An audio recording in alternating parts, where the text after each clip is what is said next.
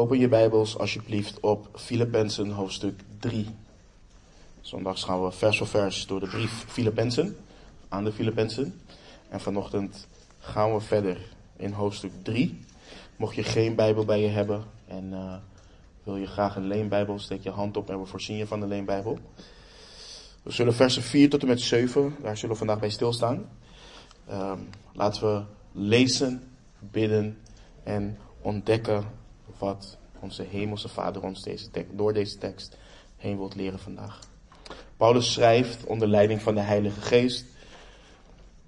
Hoewel ik reden heb om ook op het vlees te vertrouwen, als iemand anders denkt te kunnen vertrouwen op het vlees, ik nog meer. Besneden op de achtste dag, uit het geslacht van Israël, van de stam Benjamin, een Hebreeër uit de Hebreeën, wat de wet betreft, een Fariseer, wat ijver betreft, een vervolger van de gemeente, wat de rechtvaardigheid betreft die in de wet is, onberispelijk. Maar wat voor mij winst was, dat heb ik om Christus wil als schade beschouwd. Laten we bidden. Vader, we danken u, Heer, voor wat u hebt overgeleverd door de apostel Paulus heen.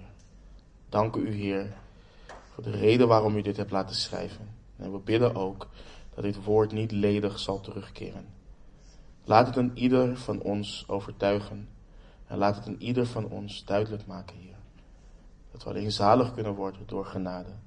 En dat de dingen waar we aan vasthouden, als het gaat om onze eigen werken of om ons vlees, dat al die dingen schade zijn. Omwille van Christus. We danken u, we loven u en we bidden in de naam van onze Heer Jezus Christus. Amen.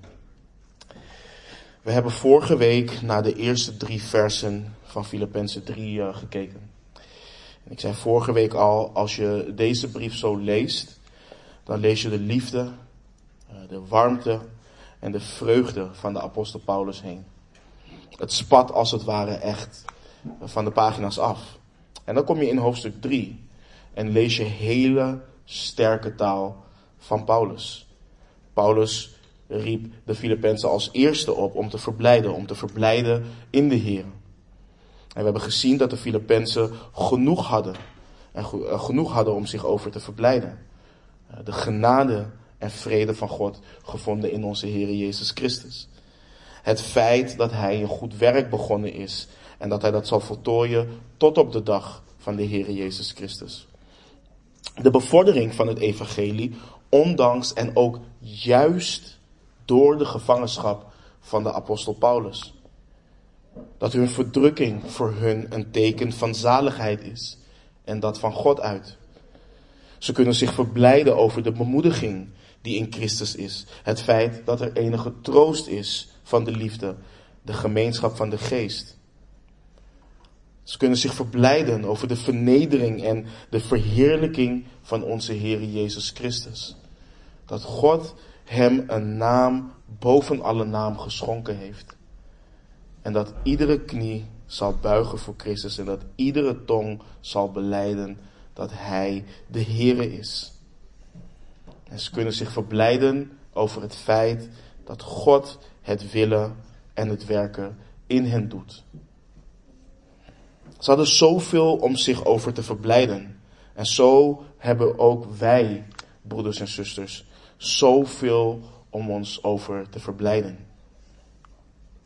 Maar Paulus ging echter verder en waarschuwde hen om waakzaam te zijn. Tot drie keer aan toe schreef hij, let op, let op, let op. Let op de honden, let op de slechte arbeiders, let op de versnijdenis. Vorige week ook al aan, in sommige vertalingen staat opgepast. Wees op je hoede. En dit zijn hen die Jood zijn, die tot geloof zijn gekomen, zoals we zagen in Handelingen 15, of hen die tot het Jodendom zijn bekeerd en daarna tot geloof zijn gekomen in de Heer Jezus Christus. En deze mensen onderwezen. Als je zalig wilt worden, ja, het is goed om te geloven in Jezus. Maar je moet niet alleen geloven in Jezus. Nee, je dient ook besneden te worden overeenkomstig de wet. En je moet de wet van Mozes in acht nemen. Je moet je daaraan houden. dan pas kun je zalig worden. Dat is geloof plus werken is zaligmaking. Dat is wat zij onderwezen. De schrift leert ons echter heel duidelijk dat je alleen zalig kunt worden uit genade. En door geloof alleen in alleen Jezus Christus. Het is de gave van God, niet uitwerken, opdat niemand zou roemen. Dus Paulus schetst een duidelijk contrast tussen hen die ware discipelen zijn van Jezus, ware discipelen zijn uh, van de Heere Jezus, en tussen hen die valse discipelen zijn van Jezus Christus. Ware discipelen, schreef Paulus, zijn besneden van hart. Ze hebben een nieuw hart ontvangen. Het gaat niet om de oppervlakte, maar wat, dat wat er van binnen is gebeurd. Ze zijn opnieuw geboren. Geboren uit God. En ware discipelen die dienen God in de geest. Ware discipelen roemen in Christus Jezus en vertrouwen niet op het vlees. En let op het laatste. En vertrouwen niet op het vlees. Zij vertrouwen niet op hun eigen vermogen, op hun eigen werken, op hun eigen wijsheid. Op wie zij zijn om zalig te worden. En dit laatste is een springplank voor waar we vandaag bij stil gaan staan. En waar de apostel Paulus op voortborduurt. En ik, ik werk niet met titels van studies, maar als we vandaag een titel moeten geven aan de studie op basis van wat Paulus duidelijk maakt in deze versen, niemand kan zichzelf zalig maken. Niemand kan zichzelf zalig maken. En weet je wat zo gevaarlijk is van deze groep mensen waar de apostel Paulus zich tegen verzet? En het is niet alleen met hen die zaligmaking uit werken toevoegen. Dit is ook bijvoorbeeld zo met de gnostici, waar Johannes zich in zijn eerste brief heftig tegen verzet. Deze mensen prooien altijd op hen die vertrouwen op de genade van God en een ijver hebben om hem te dienen. Zelden is de onbekeerde hun prooi. Zelden is het de ongelovigen. Nee, ze komen kerken in, kerken waar de genade van God wordt gepredikt. Kerken waar het woord van God wordt gepredikt. Kerken waar heiligheid wordt gepredikt. En daar gaan ze net wolven snuffelen. Om te kijken of wie ze kunnen infecteren met hun dwaalleer. Dat is wat ze doen. De gnostici bijvoorbeeld. Die kwamen en zeiden, goed dat je gelooft in de Heere Jezus Christus. Ja, Jezus is de Christus, absoluut. En goed dat je bezig bent met heiliging, etc. Maar als je echt wilt groeien, als je echt de diepe dingen van de Heer wilt weten, als je echt zalig wilt worden, dan kan ik je naar dat niveau helpen.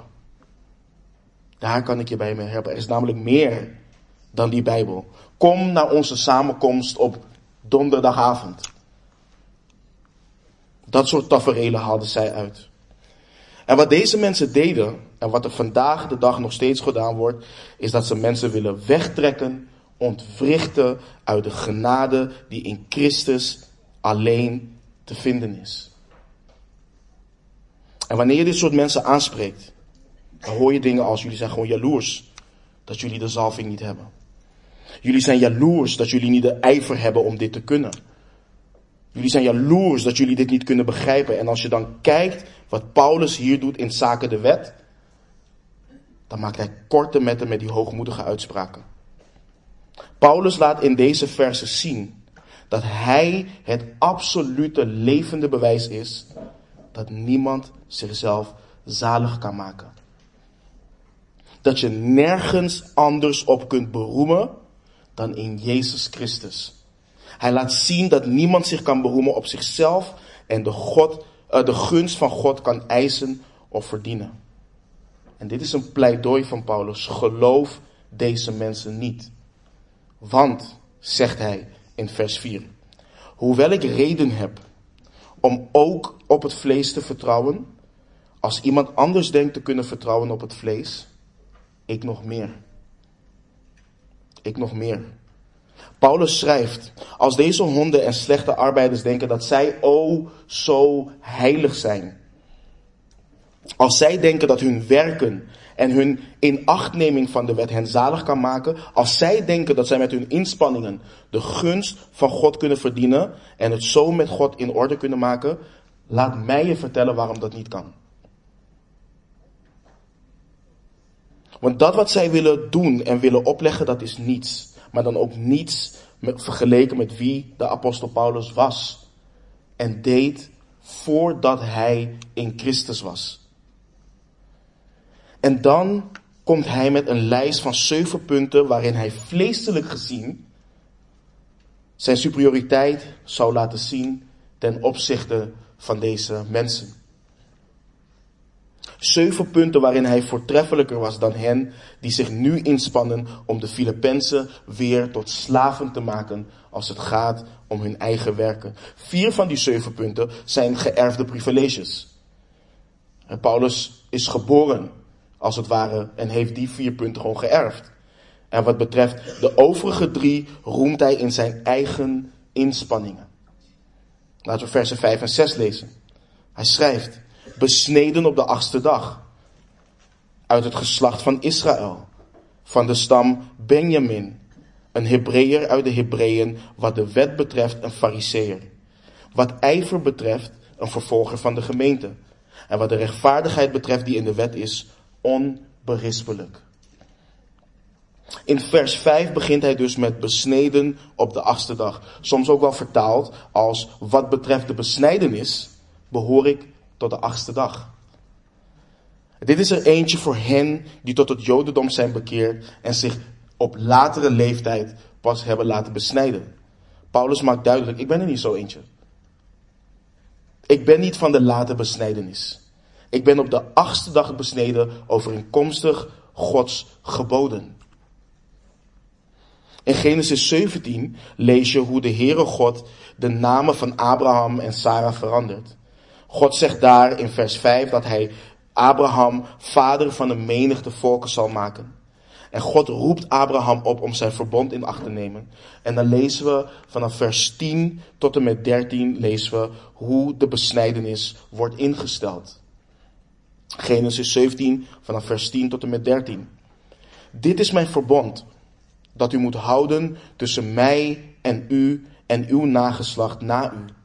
Al wie mannelijk is, uh, al wie mannelijk is bij u moet besneden worden.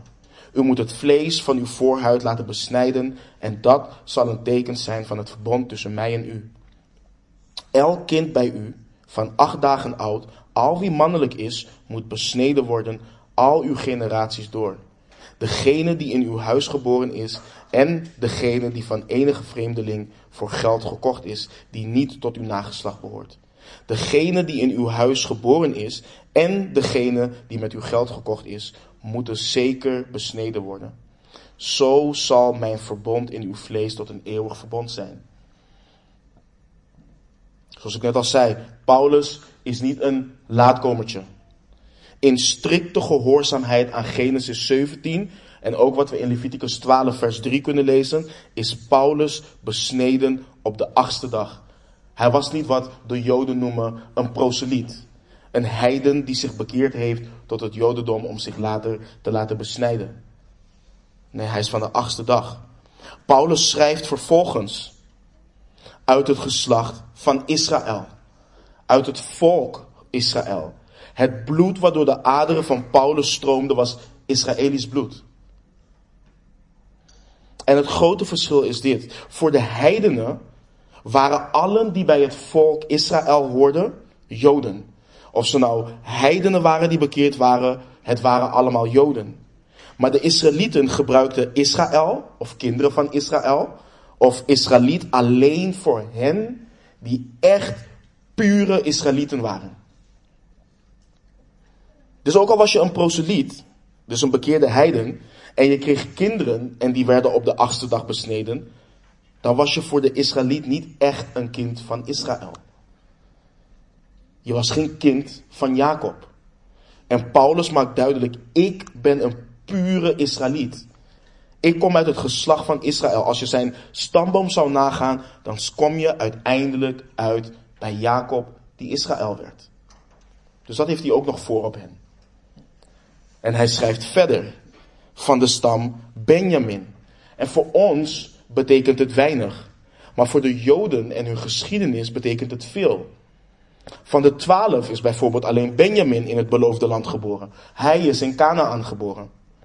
Daarbovenop was Benjamin de enige stam die trouw bleef aan Juda en het huis van David. Na de dood van koning Salomo. De stam van Benjamin heeft ook de eerste koning van Israël gegeven. Koning Saul, waarvan Paulus ook zijn naam droeg. Dus ook dat heeft Paulus voor op hen die de Filipijnse slaven proberen te maken. Hij schrijft vervolgens een Hebreeër uit de Hebreeën. Ook al was de apostel Paulus geboren in Tarsus, was hij een Hebreeër. Hij was geen Grieks sprekende, zoals dat ook werd genoemd. Zijn vader en zijn moeder, zijn moeder waren Hebreeërs. Hij sprak Hebreeuws en Aramees. Vele van de Joden in de diaspora, oftewel in de verstrooiing, spraken alleen Grieks. De apostel Paulus niet. De ouders van Paulus hadden ervoor gezorgd dat hij, wat betreft zijn opleiding, de beste opleiding had, dat hij echt een Jood was. Hij heeft immers ook nog eens gestudeerd onder de Rabbi Gamaliel, de grote Rabbi Gamaliel. Als je alleen naar deze punten kijkt, naar zijn geërfde privileges op de achtste dag besneden uit het geslacht van Israël, uit de stam Benjamin, een Hebreeër uit de Hebreeën, dan moeten wij kijken naar wat betekent dit voor de Filippenzen en wat betekent dit voor ons vandaag de dag. Als de afkomst van de apostel Paulus, als de privileges die hij had, hem niet zalig konden maken, dan kan het de Filippenzen, die heidenen zijn of waren, en ook ons niet zalig maken. Onze afkomst kan ons niet zalig maken. Onze geschiedenis kan ons niet zalig maken. Het bloed wat door je aderen stroomt, kan je niet zalig maken. Je vader en je moeder kunnen je niet zalig maken. Je ooms, je tante, je opa, je oma, ze kunnen je niet zalig maken. Niemand staat zalig van, voor God op basis van wie zij zijn van hoe zij geboren zijn. Weet je hoe vaak ik het volgende antwoord heb gehoord op de vraag: Ben je een christen? Ja, ik ben wel christelijk opgevoed. En mijn ouders zijn wel streng gelovig.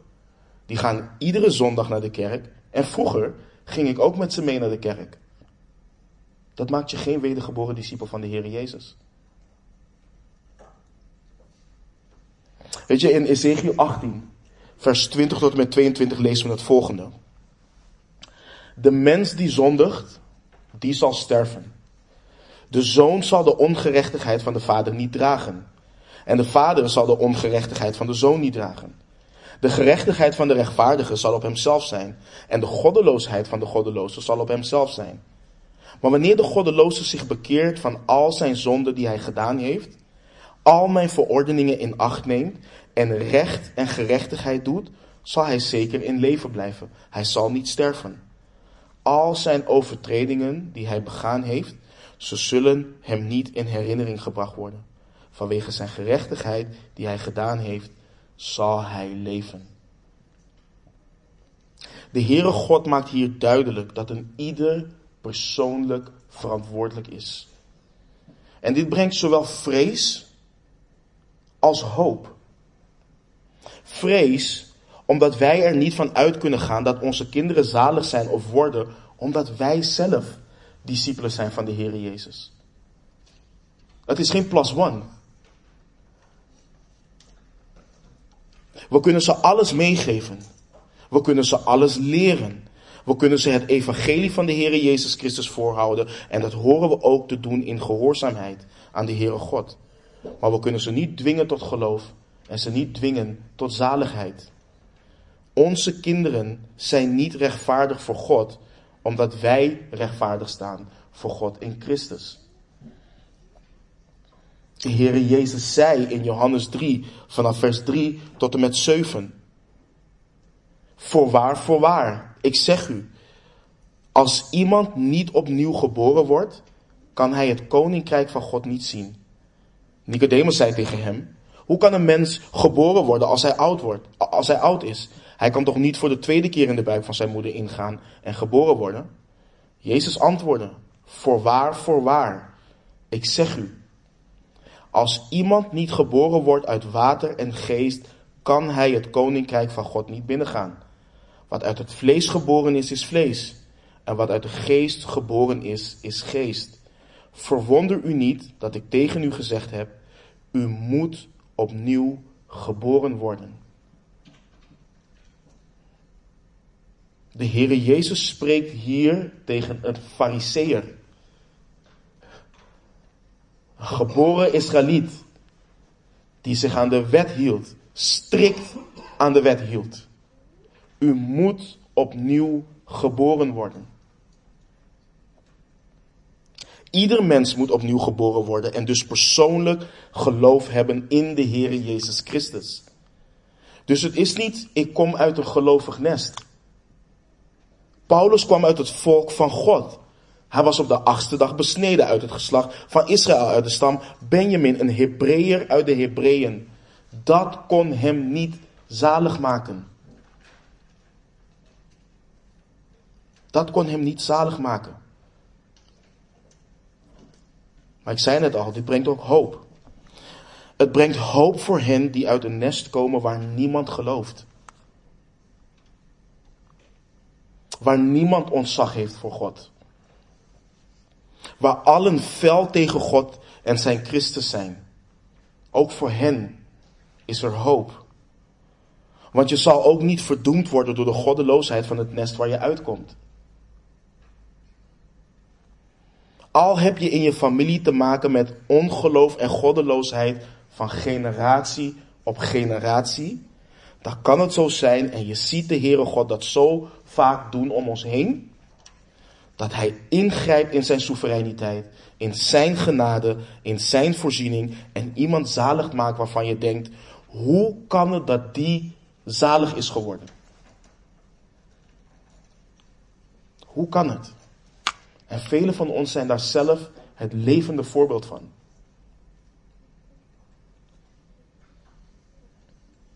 Dus er is hoop. Er is hoop, want allen die hem aangenomen hebben, hun heeft hij macht gegeven kinderen van God te worden, namelijk die in zijn naam geloven, die niet uit bloed, niet uit de wil van vlees en ook niet uit de wil van een man, maar uit God geboren zijn. Er is hoop. Ouders, Leer je kinderen dit. Kinderen, luister naar me. Niemand van jullie is een discipel omdat papa en of mama een discipel van Jezus Christus is. En ieder van jullie zal zelf moeten geloven. En ieder van jullie heeft zelf vergeving voor van zonde nodig. Het geloof van papa en mama kan en zal jullie niet redden. Maar weet dat de Heere God zijn liefde heeft bevestigd door zijn zoon te sturen en voor jullie zonden te sterven. En dat hij opgewekt is op de derde dag.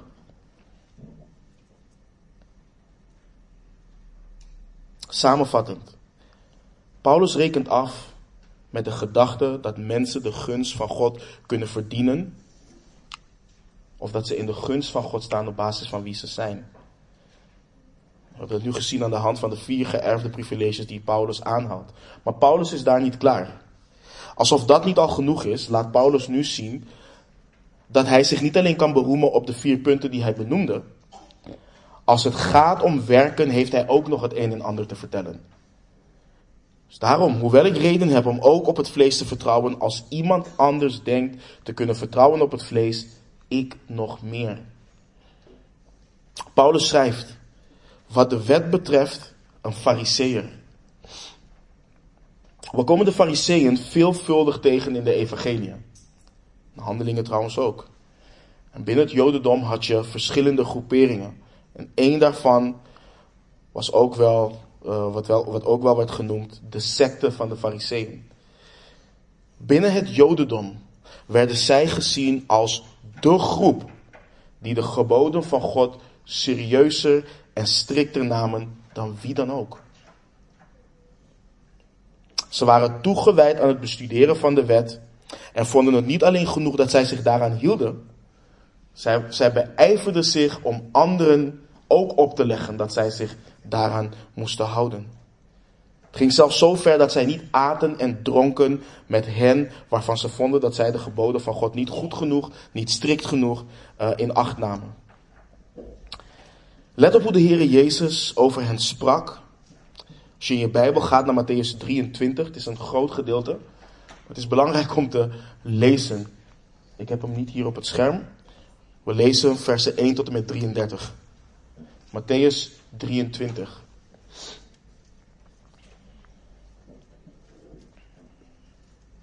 Wacht even tot iedereen er is. Matthäus 23.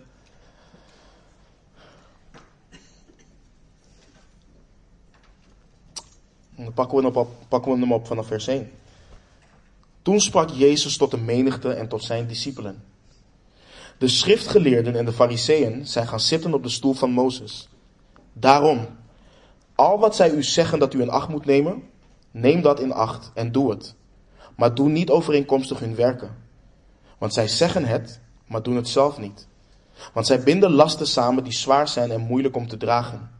En zij leggen ze op de schouders van de mensen, maar zij willen die zelf met geen vinger verroeren. Al hun werken doen zij om door de mensen gezien te worden. Want zij maken hun gebedsriemen breed en de kwastjes aan hun kleren groot. Zij zijn zeer gesteld op de ereplaatsen tijdens de maaltijden en op de voorste plaatsen in de synagogen.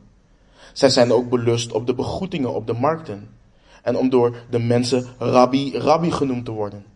Maar u mag zich geen rabbi laten noemen, want één is uw meester, namelijk Christus. En u bent allen broeders.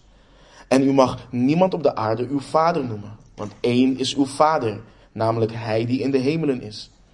En u mag niet meesters genoemd worden, want één is uw meester, namelijk Christus. Maar de belangrijkste van u zal uw dienaar zijn. En wie zichzelf zal verhogen, zal vernederd worden. En wie zichzelf zal vernederen, zal verhoogd worden. En let op nu. Maar wee u, schriftgeleerden en fariseeën, huigelaars, want u sluit het koninkrijk der hemelen voor de mensen. U gaat er immers zelf niet binnen. En hen die er binnen willen gaan, laat u er niet binnen gaan. Wee u, schriftgeleerden en fariseeën, huigelaars, want u eet de huizen van de weduwe op. En voor de schijn bidt u lang, daarom zult u een des te zwaarder oordeel ontvangen. Wee u, schriftgeleerden en, en de fariseeën, huigelaars, want u reist zee en land af om één proseliet te maken. En als hij het geworden is, dan maakt u hem een kind van de hel, dubbel zo erg als u. Wee u, blinde leiders die zegt, heeft iemand gezworen bij de tempel, dan betekent dat niets. Maar heeft iemand gezworen bij het goud van de tempel, dan is hij aan die eed gebonden. Dwazen en blinden. Want wat is meer? Het goud of de tempel die het goud heiligt? En heeft iemand gezworen bij het altaar, dan betekent dat niets. Maar heeft iemand gezworen bij de gave die daarop ligt, dan is hij aan die eed gebonden. Dwazen en blinden. Want wat is meer, de gave of het altaar dat de gave heiligt? Wie daarom zweert bij het altaar, die zweert daarbij en bij alles wat daarop ligt. En wie zweert bij de tempel, die zweert daarbij en bij hem die daarin woont. En wie zweert bij de hemel, die zweert bij de troon van God en bij hem die daarop zit. Wee u, schriftgeleerden en fariseeën, huigelaars, want u geeft tienden van de munt, de dille en de komijn, en u, laat de belangrijk, en u laat het belangrijkste van de wet na, het recht en de barmhartigheid en het geloof. Deze dingen zal men moeten doen en die andere dingen niet nalaten. Blinde leiders, die de mug uitzift maar de kameel doorslikt. Wee u, schriftgeleerden en fariseeën, huigelaars, want u reinigt de buitenkant van de drinkbeker en van de schotel, maar van binnen zijn ze vol van roofzucht en onmatigheid. Blinde fariseer, reinig eerst de binnenkant van de drinkbeker en de schotel, zodat ook de buitenkant daarvan rein wordt. Wee u, schriftgeleerden en fariseeën, huigelaars, want u bent als de witgepleisterde graven, die van buiten wel mooi lijken, maar van binnen zijn ze vol doodsbeenderen en allerlei onreinheid. Zo lijkt u ook wel van buiten rechtvaardig voor de mensen, maar van binnen bent u vol huichelarij en wetteloosheid. Wee u, schriftgeleerden en fariseeën, huigelaars, want u bouwt de graven voor de profeten en versiert de grafmonumenten van de rechtvaardigen. En u zegt, als wij in de tijd van onze vaderen hadden geleefd, hadden wij niet met hen meegewerkt om het bloed van de profeten te vergieten. Al dus getuigt u tegen uzelf dat u kinderen bent van hen die de profeten gedood hebben. Maakt ook u dan de maat van uw vaderen vol. Slangen, adderen gebroed, hoe zou u aan de veroordeling tot de hel ontkomen? Dus je ziet hier dat de Heer, Jezus heel strikt is over de fariseeën. Als je, als je sprak over religieus, dan had je het over deze mensen. De Sabbat, daarvan zeiden zij, die moet je in acht nemen. De wetten, daarvan zeiden zij, die moet je in acht nemen. Maar let op wat de Heere Jezus zegt. Zij zeggen het, maar doen het zelf niet. Zij binden lasten samen die zwaar zijn en moeilijk om te dragen. En zij leggen ze op de schouders van de mensen. Maar zij willen die zelf met geen vinger verroeren. En let op vers 28. Zo lijkt u ook wel van buiten rechtvaardig voor de mensen, maar van binnen bent u vol huichelarij en wetteloosheid. Dus voor de mensen waren zij rechtvaardig. Voor de mensen waren zij rechtvaardig. En Paulus zegt over zichzelf, dus ik zei het al, dit was de strikste secte binnen het Jodendom. Al deze mannen beijverden zich om zich aan de wet te houden. Paulus zegt over zichzelf in Handelingen 22, vers 3. Ik ben een Joodse man, geboren te Tarsus in Cilicië, maar opgevoed in deze stad en aan de voeten van Gamaliel op de meest nauwgezette wijze onderwezen in de wet van de vaderen, een ijveraar voor God, zoals u heden allemaal bent. Paulus, ik zei het net al, hij heeft gestudeerd bij de rabbies der rabbies binnen het Jodendom. Hij was de man. In Gelaten 1 vers 14 schrijft hij dat zij weten dat Paulus in het Jodendom meer vorderingen maakte dan veel leeftijdsgenoten onder zijn volk, omdat hij nog een groter ijveraar was voor de overleveringen van zijn vaderen. Dus Paulus was niet zomaar een Jood. Hij was niet zomaar een Israëliet. Hij was toegewijd aan de wet op de meest nauwgezette wijze. Niemand in de tijd van Paulus had een ijver voor de wet van God als Paulus zelf. Niemand. Vervolgens gaat hij verder. Wat ijver betreft, schrijft Paulus, een vervolger van de gemeente. En dit is waar Paulus zich ook echt onderscheidde ten opzichte van hen die vonden dat ze ijverig waren voor de wet. Paulus zegt eigenlijk, kijk, ik riep de gemeente van Christus niet op om zich te besnijden. Ik roeide ze uit. Dat is wat hij deed. In Handelingen 8, vers 3 staat dat Paulus de gemeente begon te verwoesten. Hij ging huizen binnen. Hij sleepte mannen en vrouwen hun huis uit en gooide hen in de gevangenis. In Handelingen 9, vers 1 staat dat Paulus brieste van dreiging en moord tegen de discipelen. Paulus was vastberaden om de gemeente van Jezus Christus uit te roeien. Hij was helemaal door het dolle heen. Hij was zo ijverig voor de wet van God dat hij de weg van de Heer Jezus Christus als lastering zag en vastbesloten was daar wat tegen, wat, daar wat tegen te doen. Wanneer hij zichzelf verdedigt in Handelingen 22, lees je het volgende in Handelingen 22, vers 4. Ik heb deze weg tot de dood toe vervolgd. Ik heb zowel mannen als vrouwen gebonden en overgeleverd in de gevangenissen. In Handelingen 26, vers 9 tot en met 11 schrijft Paulus: Ik dacht echt bij mijzelf dat ik tegen de naam van Jezus van Nazareth veel vijandige dingen moest doen. Wat ik ook in Jeruzalem gedaan heb. Ik heb vele van de heiligen in de gevangenis opgesloten nadat ik daartoe volmacht van de overpriesters gekregen had. En als zij gedood werden, stemde ik daarmee in. En in alle synagogen heb ik hen dikwijls gestraft en gedwongen te lasteren en ik traad in razende woede tegen hen op en vervolgde hen zelfs tot in de buitenlandse steden.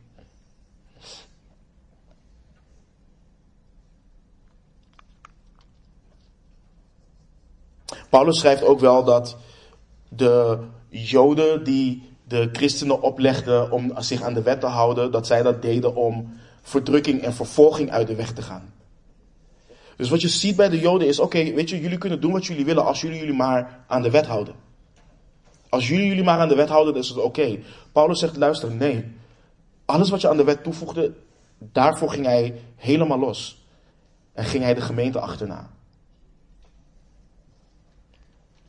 Dus als je het leven van de apostel Paulus bestudeert, zie je dat de ijver van deze zogenaamde broeders in het niet valt bij de ijver die hij voor de wet had.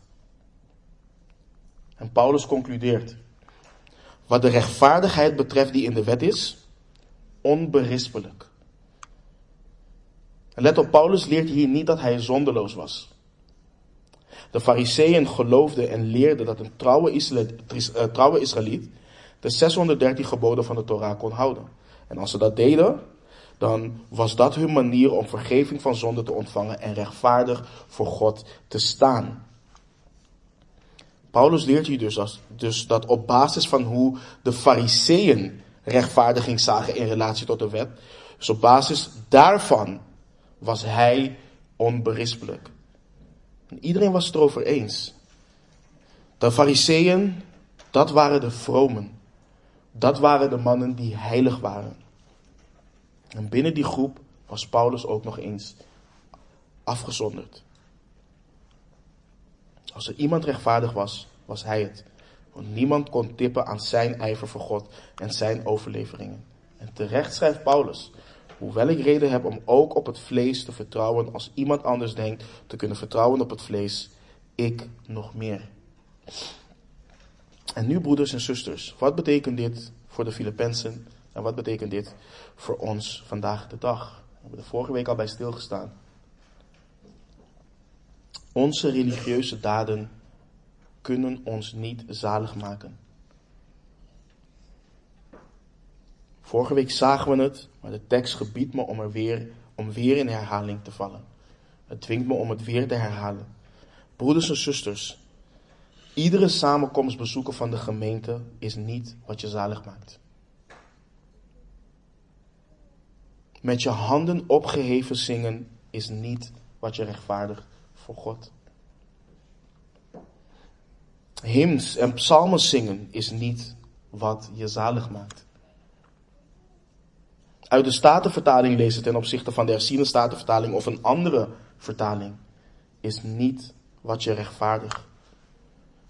Vroeg opstaan voor stille tijd is niet wat je zalig maakt.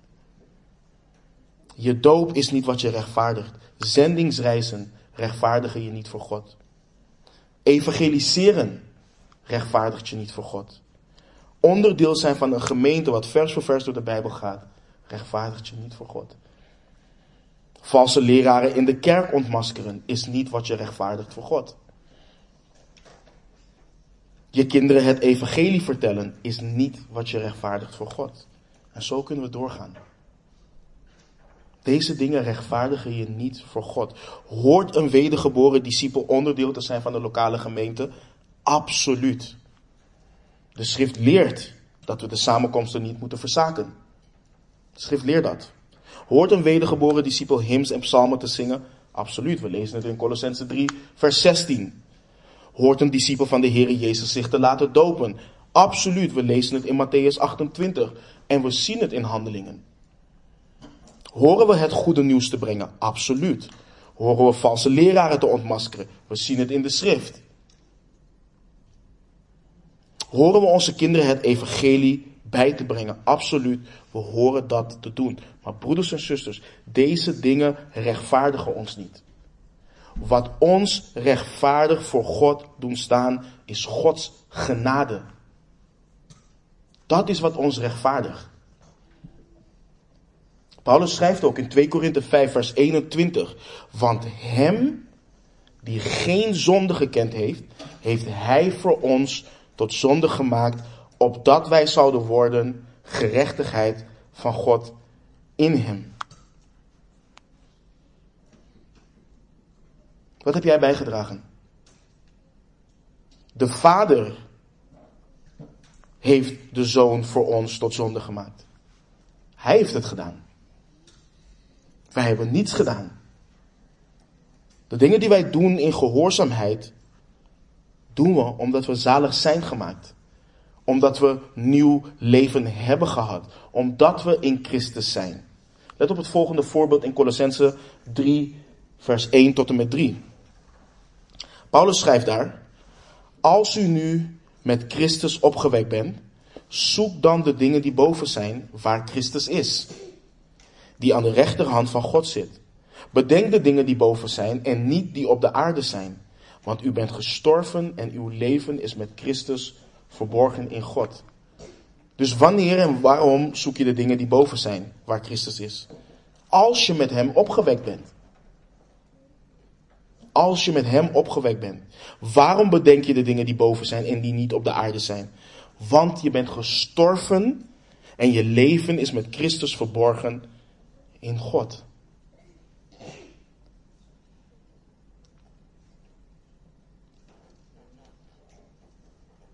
Weet je hoe makkelijk het is om zoals veel kerken op zondag hier, op woensdag tijdens de Bijbelstudie, op te leggen. Dit is wat je moet doen. Dit is wat je moet doen. Dit is wat je moet doen. En in het begin voel je je ongemakkelijk. ik word geforceerd om dingen te doen. Maar wanneer je er goed in wordt, dan ga je opeens die zelfrechtvaardiging in je vlees voelen. Hé, hey, ik doe dit wel heel goed. Ik doe wel, als ik dit nog meer ga doen, dan, dan is God echt blij met me. Maar weet je hoe moeilijk het is voor ons mensen om te vertrouwen, volledig te vertrouwen op het werk van iemand anders.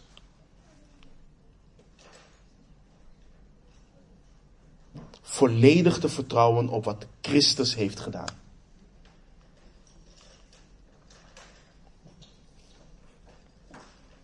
Lieve mensen, wat we dienen te begrijpen, wat we in ons hart dienen op te sluiten, is dat we ontvangers zijn van genade. Niemand kan zichzelf zalig maken. Niemand kan zichzelf redden. Allen moeten opnieuw geboren worden. Uit God door zijn genade.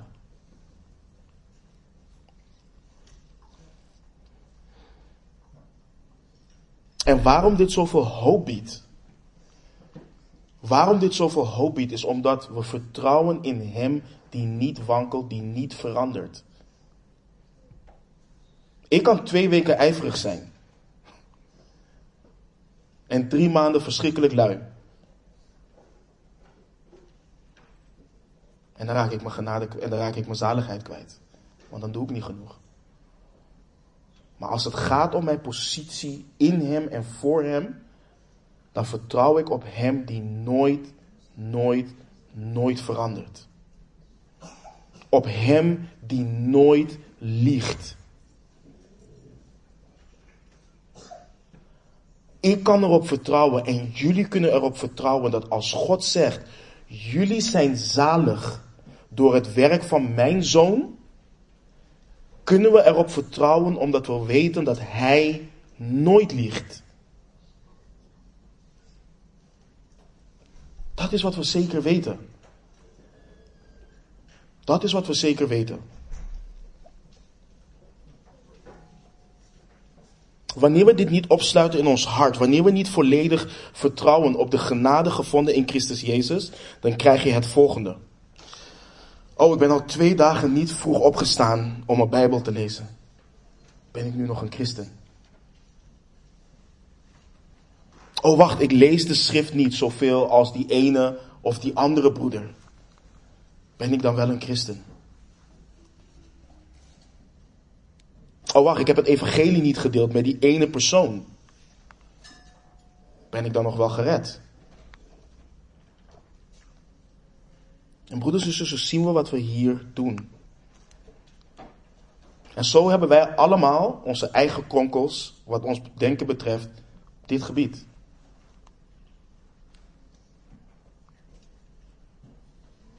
Het is een verkapte vorm van het katholicisme. Ik doe en daardoor heb ik zekerheid.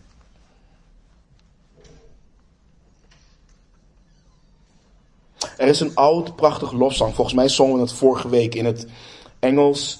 Uh, Rock of Ages in het Nederlands Rots der Eeuwen. En in dat nummer is er een zin wat als volgt gaat. Maak je niet druk, ik ga niet zingen.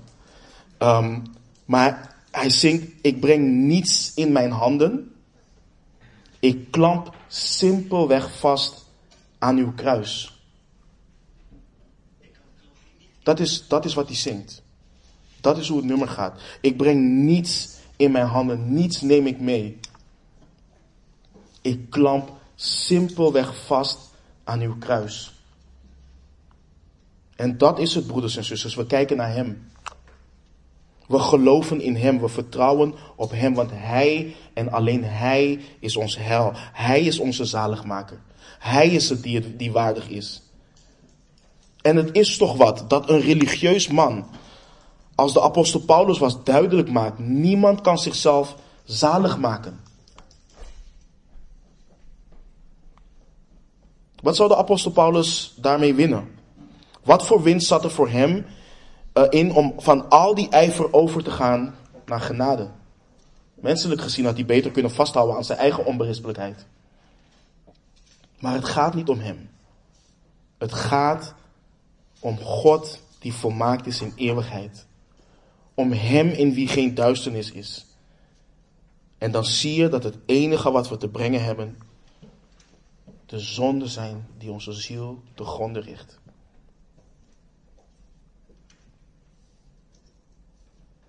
Maar voor ons, voor ons kan dit een ver van ons bedshow zijn. Ik zei het vorige week ook al. Wij zijn geen Joden. En weinigen van ons zijn vatbaar voor het juk van de Joden. Maar we zijn wel vatbaar voor wat de wereld leert en wat de kerk is ingeslopen. En dat is dat als je een goed mens bent, dat je zalig kan worden. Dat je dan naar een goede plek gaat. Dat je dan in de hemel komt.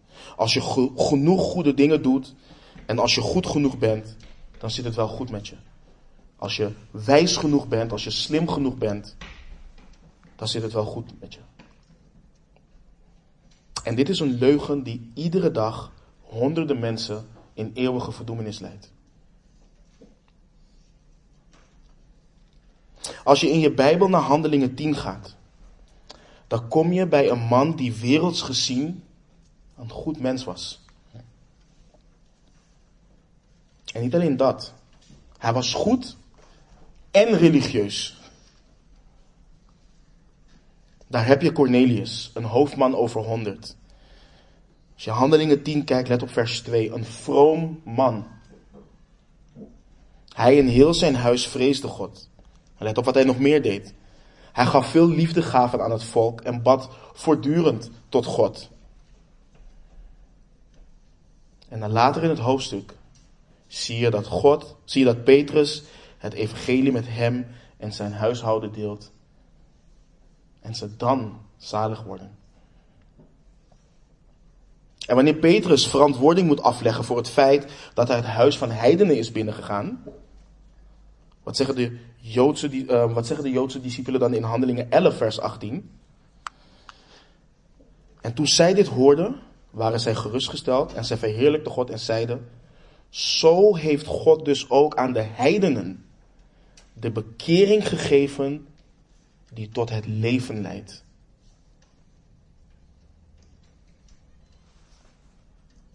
Ook al bad Cornelius, ook al gaf hij liefdegaven, hoe vroom hij ook was, hier klinken de woorden van de Heere Jezus weer. Voorwaar, voorwaar, ik zeg u, als iemand niet opnieuw geboren wordt, kan hij het koninkrijk van God niet zien. Voorwaar, voorwaar, ik zeg u, als iemand niet geboren wordt uit water en geest, kan hij het koninkrijk van God niet binnengaan. Religieus zijn is niet genoeg. Een goed mens zijn is niet genoeg. En dit is niet een kwestie van genoeg, dit is een kwestie van alles of niets. En Jezus Christus is alles. Hij is alles. De Vader kijkt niet naar het werk van zijn zoon en jouw inspanningen. Hij kijkt naar de enige, de enige middelaar tussen God en mensen. Hij kijkt naar hem die gekomen is om zondaar zalig te maken. Hij kijkt naar het lam waarin hij zelf voorzien heeft.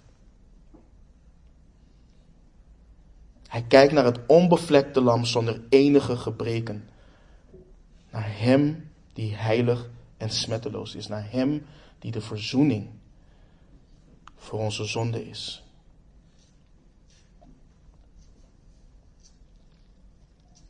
Weet en zo heb je tegenwoordig, als het gaat om de seculiere wereld, dingen die eraan toegevoegd worden. Psychologie, pedagogiek, filosofie.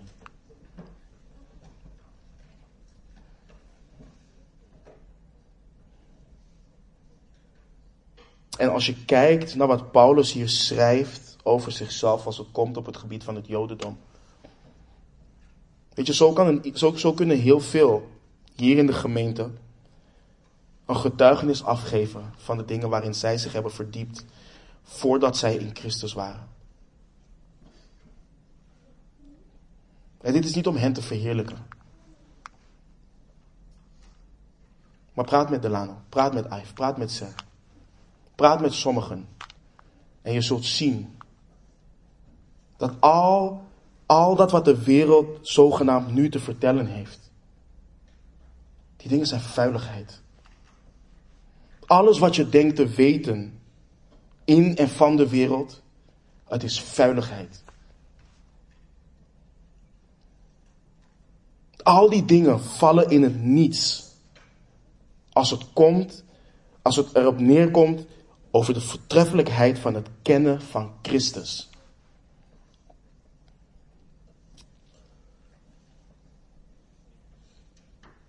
En daarom is het dat wij alleen dit boek prediken. Want hierin wordt hij geopenbaard. Hierin leren wij hem kennen. Hierin en hierdoor leren wij zijn wil onderscheiden. En wat wij moeten leren, als we kijken naar de apostel Paulus en naar wat we, wat we zien in de schrift, wat wij moeten leren, wij moeten niet alleen leren ons te bekeren van de slechte dingen die wij doen. Wat ons probleem is en waar wij ons van moeten bekeren, is denken dat wij goede werken hebben en denken dat die ons zalig kunnen maken.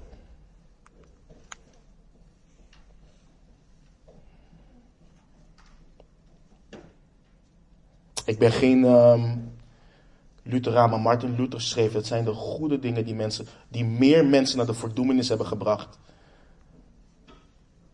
dan hun slechte werken. Want het is de hoogmoed in ons hart waarmee we denken: oh, dit is goed genoeg om voor God te komen staan en waarmee Hij met een welgevallige blik naar ons zal kijken.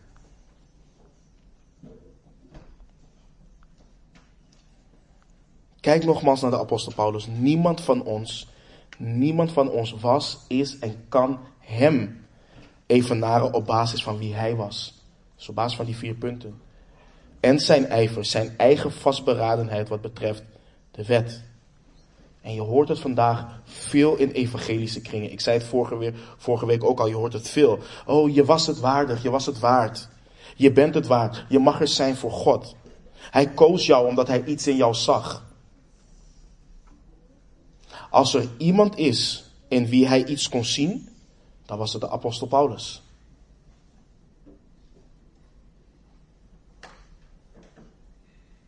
En toch zegt de apostel Paulus, ondanks zijn menselijk gezien indrukwekkende track record voor een gebrek aan beter woord, een, beter woord. Het volgende, vers 7. Maar wat voor mij winst was, dat heb ik om Christus wil als schade beschouwd. Paulus gebruikt hier de taal van een financieel man. Aan de ene kant zijn menselijk gezien al de punten die hij benoemde winst. Allemaal winst. Maar om Christus wil, om Jezus Christus heeft hij dat allemaal als schade beschouwd. Volgende week gaan we zien hoe hij schrijft vuiligheid. Omwille van de Heer Jezus Christus. Al die dingen op een weegschaal gelegd. En Paulus ziet nog steeds, dit is schade. Dit is niets. En voor ons is het zo belangrijk om te zien. Waartoe de schrift ons oproept, dat dienen we te doen. Ja, dat dienen we te doen. We dienen te groeien in heiligheid. We dienen de schrift te lezen en te bestuderen. We dienen te bidden. We dienen samen te komen, etc. We dienen de waarheid te kennen, overgeleverd in de schrift en daarvoor te staan. En door de genade van God over ons leven, in de kracht van de geest, zullen we daar meer en meer in groeien. Zullen we meer en meer groeien in onze ijver voor de Heer en alles wat daaruit, daaruit voortvloeit. Maar waar we voor moeten waken is de hoogmoed die in ons hart kan kruipen en onze gevoel van zelf, zelfrechtvaardiging geeft op basis van al onze inspanningen voor de Heer. Ik denk aan onze reis door Deuteronomium en onze reis door de tien geboden. En waar we zo bij hebben stilgestaan is het besef dat wanneer de geboden herhaald worden in Deuteronomium, Mozes het niet nalaat om heel duidelijk te maken. Ik ben de Heere uw God die u uit het land Egypte, uit het slavenhuis geleid heeft. De geboden zijn gegeven aan een verlost volk. Aan een volk geleid uit slavernij door de genade en door het werk van God, door wat Hij beloofd had. En zo worden wij die in Christus zijn, die nieuw zijn gemaakt, ook opgeroepen tot gehoorzaamheid.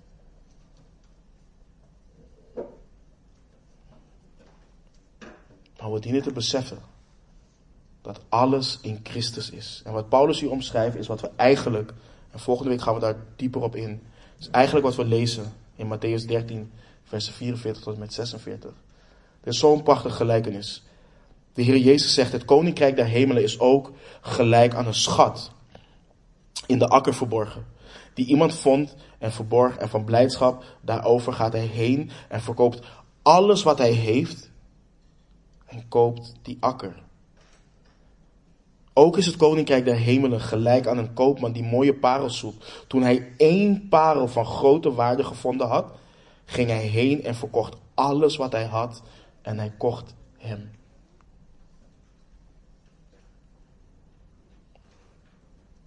Deze koopman verkocht alles. Alles wat hij had voor die ene parel van grote waarde. En nu weet ik, broeders en zusters. Ik weet dat ik veel heb herhaald van vorige week. En dat het volgt op wat we vorige week al hebben behandeld. Maar we kunnen hier niet vaak genoeg bij stilstaan. Wat ik al zei, volgende week zullen we ook zien hoe de apostel Paulus alles als schade heeft beschouwd vanwege de voortreffelijkheid van de kennis van Christus Jezus.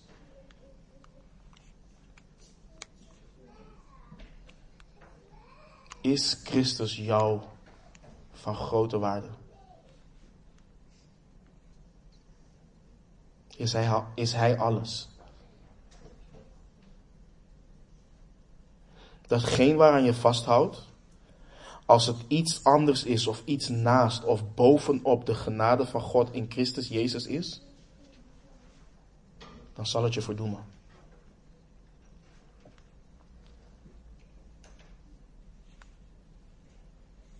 Maar als je vasthoudt aan de genade, en alleen de genade uit geloof in de Heere Jezus Christus, oh, dan ben je zalig.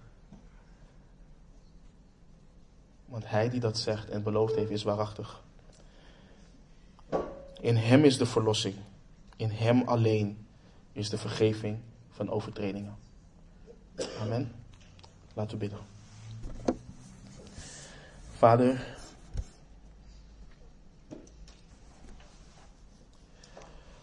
Heer, leer ons. Denk aan wat er staat in Romeinen 12, dat ons denken hernieuwd moet worden. En ik bid ook, Heer, Vader, ik ken de angst. Om de genade als excuus te gebruiken voor luiheid.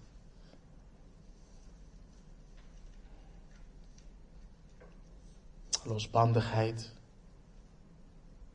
Of wat dan ook tegen de godsvrucht ingaat. Velen van ons kennen die angst, Heer.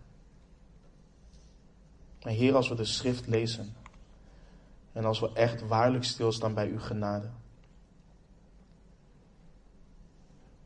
dan drijft het ons tot gehoorzaamheid.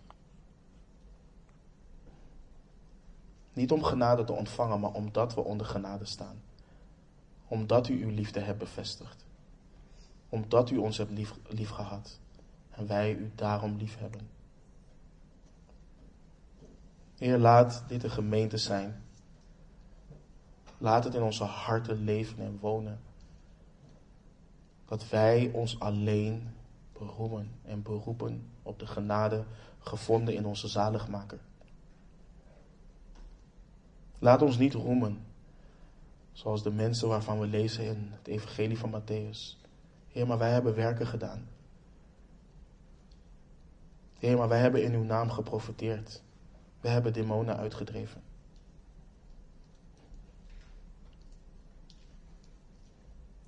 Laat het zo zijn dat wij voor u bekleed staan en zijn met genade, Heer. Ik dank u. Ik loof uw naam. In de naam van onze Heer Jezus Christus. Amen.